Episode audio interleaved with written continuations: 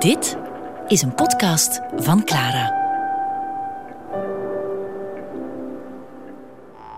Rubens. Een portret aan de hand van schilderijen, tekeningen, brieven en plaatsen.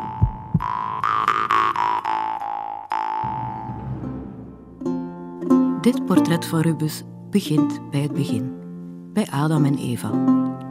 Het is een van de vroegst gekende schilderijen van Rubens en het hangt in het atelier in het Rubenshuis. Bert Watteo van het Rubinianum is onze gids.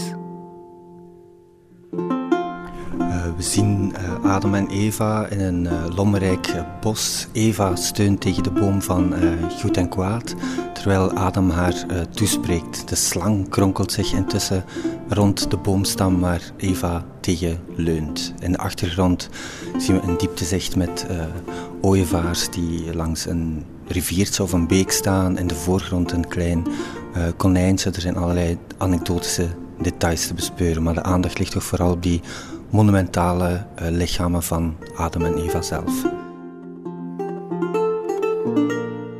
Het is een van de zeldzame jeugdwerken van uh, Rubens. Hij zou het geschilderd hebben voor hij naar Italië vertrok in uh, 1600 en dat maakt het ook zo'n bijzonder werk van Rubens. We krijgen hier eigenlijk een zicht op de jonge Rubens en in tegenstelling tot bijvoorbeeld Antonie van Dijk was uh, Rubens geen wonderkind. Hij was niet een kunstenaar die vanaf zijn eerste werken fantastische brieën aan de dag legt, maar iemand die toch zijn leermeester, in dit geval Otto Venius, vrij dicht opvolgde.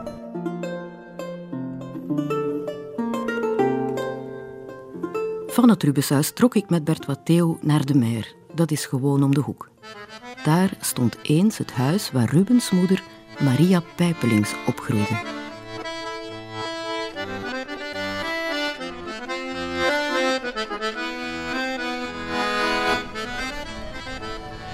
We zitten op een bankje op uh, de Meer en de hordes kooplustigen en de straatmuzikanten die hier uh, te beluisteren vallen, die zijn er zich meestal niet van bewust dat tegenover ons, en wat nu de Wie is, eigenlijk het ouderlijke huis van de moeder van uh, Rubens staat, Maria Pijpelings. Dus haar vader, Hendrik Pijpelings, baatte hier een tapijtenhandel uit in huis de Kleine Sint-Arnold. En wanneer uh, moeder Pijpelings uit Keulen terugkeert met Rubens en haar kinderen, vestigen ze zich hier in dit huis. Uh, de gevel die we nu zien is natuurlijk niet de oorspronkelijke uh, façade, maar een soort 19e eeuwse nieuwbouw, maar wel op dat originele perceel. Wat trouwens aan de achterkant aanpaalt aan het Rubenshuis. Dus wanneer Rubens in 1610 um, het pand aan de Wapper koopt, is daar voor een stuk toch ook sentiment en misschien wat jeugdsentiment aan verbonden. Maria Pijpelings keerde naar haar ouderlijke huis terug na de episode in Duitsland. Maar waarom trokken Jan Rubens en zijn vrouw Maria Pijpelings naar Duitsland? Jan Rubens kon tot schepen in Antwerpen doorstoten, maar um, wanneer eigenlijk de repressie onder de hertog van Alva begint, dus eigenlijk de Spaanse Habsburgers uh, treden op tegen de opstanden die de kop beginnen op te steken in de Nederlanden, wordt de grond hier te heet onder zijn voeten. Omdat hij Calvinistische sympathieën had en wanneer zijn collega schepen en ex-burgemeester Anton van Strala wordt uh, terechtgesteld, beslist Jan Rubens uh, met zijn vrouw en vier kinderen de stad te verlaten naar Duitsland, naar Keulen, waar hij hoopt in dienst te treden van uh, Willem de Zwijger, dus eigenlijk de leider van de opstand tegen de Habsburgers. Dat lukt hem ook, de familie vestigt zich in Keulen, maar de relatie met de echtgenote van Willem de Zwijger, Anna van Saxe, uh, voor wie Jan Rubens als secretaris optreedt, uh, overschrijdt eigenlijk het professionele. Midden in de 19e eeuw zijn documenten ontdekt die erop wezen dat Jan Rubens en Anna van Saxe effectief een affaire hadden. 1571 bevalt Anna van Saxe van een dochter, uh, Christina van Dietz, waarvan Jan Rubens de vader zou zijn. Zoals Adam en Eva had dus ook vader Rubens geproefd van de verboden vrucht. De Oranjes doen er alles aan om het schandaal natuurlijk te onderdrukken. Uh, vader Jan Rubens wordt opgesloten in de kerker van het slot uh, Dillenburg. Uh, en na twee jaar opsluiting in de kerker verkrijgt het gezin dat ze eigenlijk in het stadje Ziege zich mogen gaan vestigen in een vorm van ballingschap. Ehm, de moeder van Rubens, Maria Pijpelings, heeft hem met een zekere som geld eigenlijk gered van executie. Maar ook voor de Oranjes was zo'n executie niet verstandig geweest, want dan gingen er natuurlijk allerlei vragen reizen over de reden van die executie. En iedereen die betrokken was bij dit uh, schandaal had er alle belang bij om het in de doofpot te houden.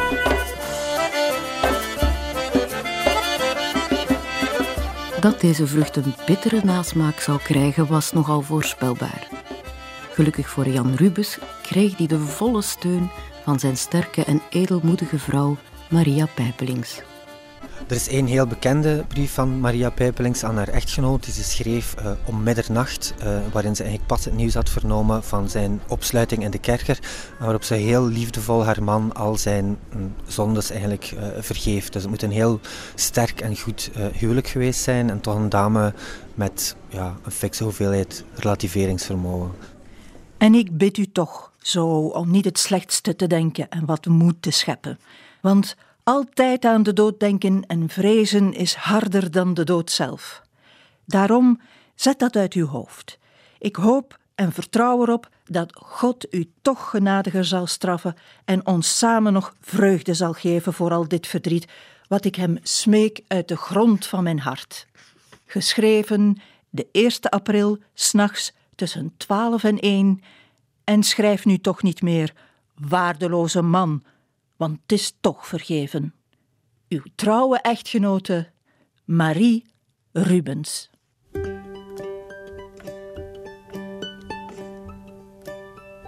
En daarmee was de kous af. Bevrijd uit de kerker van slot Tillenburg zullen Jan Rubens en Maria Pijpelings nog twee zonen krijgen in een ballingsoord zieken. Eerst Philips en op 28 juni 1577 werd Pieter Paul geboren. Als wat later Jan Rubens sterft, beslist Maria Pijpelings met haar kinderen terug te keren naar Antwerpen, waar intussen de rust wat was weergekeerd.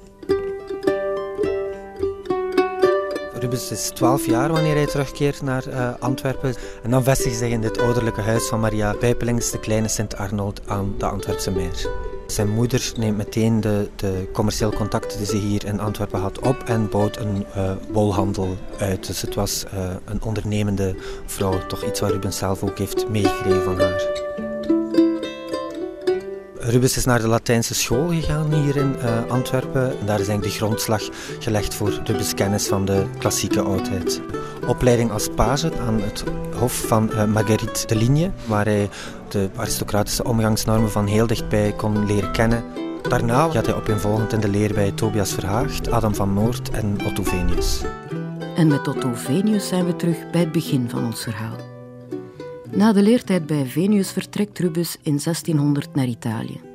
En dat verhaal vertellen we in de volgende aflevering.